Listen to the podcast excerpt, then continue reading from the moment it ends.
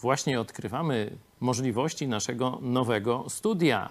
Ze względu na to, że z powodu chińskiego wirusa nie można pojechać nad Adriatyk albo jest to dość wysoce ryzykowne przedsięwzięcie, zażyczyłem sobie studio w wystroju śródziemnomorskim. Kilka minut i już mam, widzicie, i kolorki, i widoczki. No, trochę wody e, brakuje.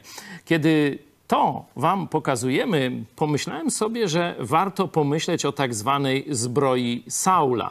Na pewno znacie historię o Dawidzie i Goliacie. Przeczytam Wam fragment, 17 rozdział pierwszej księgi e, Samuela.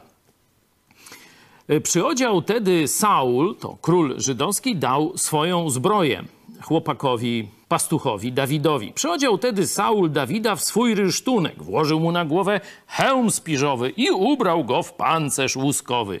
Przypasał też Dawidowi swój miecz na jego odzienie i on próbował chodzić, chociaż nie był do tego przywykły. I rzekł Dawid do Saul, Saula, nie mogę w tym chodzić, gdyż nie jestem przywykły. I Dawid zdjął je z siebie, wziął natomiast do ręki swój kij e, i wybrał sobie pięć gładkich kamieni z potoku. No, jak się historia dalej rozwinęła, to pewnie doskonale wiecie. Z tego oczywiście wysnuwamy wniosek, że każdy powinien działać, walczyć, pracować w gotowych dla siebie, że tak powiem, przystosowanych dla siebie warunkach, okolicznościach, narzędziach i tak. I my zaczynaliśmy też, jak ten pastuch Dawid, gdzieś u mnie w kuchni z jednej e, kamerki i dyktafonu. Także, a dzisiaj jesteśmy w takim piękniuśkim, nowiuśkim studyjku, jak to niektórzy piszą. No, ktoś powie, że dlaczego dalej nie walczymy procą i kijem?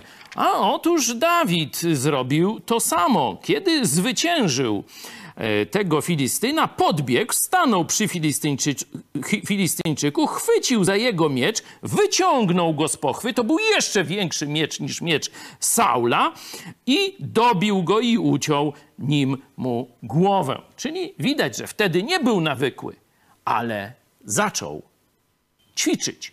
I potem jako król występował w pełnym rysztunku bojowym. Tak i my.